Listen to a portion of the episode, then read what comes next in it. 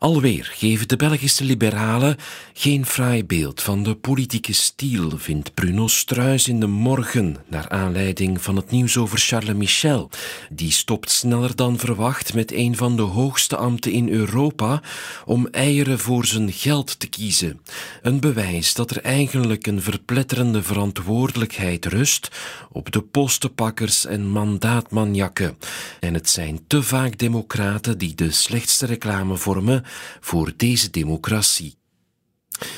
Charles Michel beslist puur uit eigen belang om op een zeer moeilijk moment de Europese Unie in de steek te laten, stelt Chris van Marsnelle in de Gazet van Antwerpen.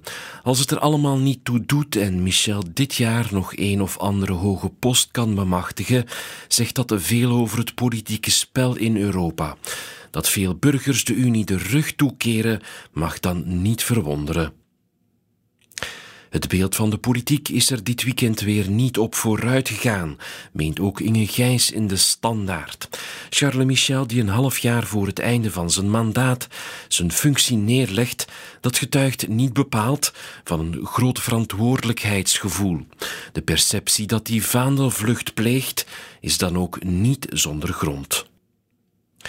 De campagne voor de Amerikaanse presidentsverkiezingen is definitief gestart, zag Guido Kloostermans intussen in het Belang van Limburg.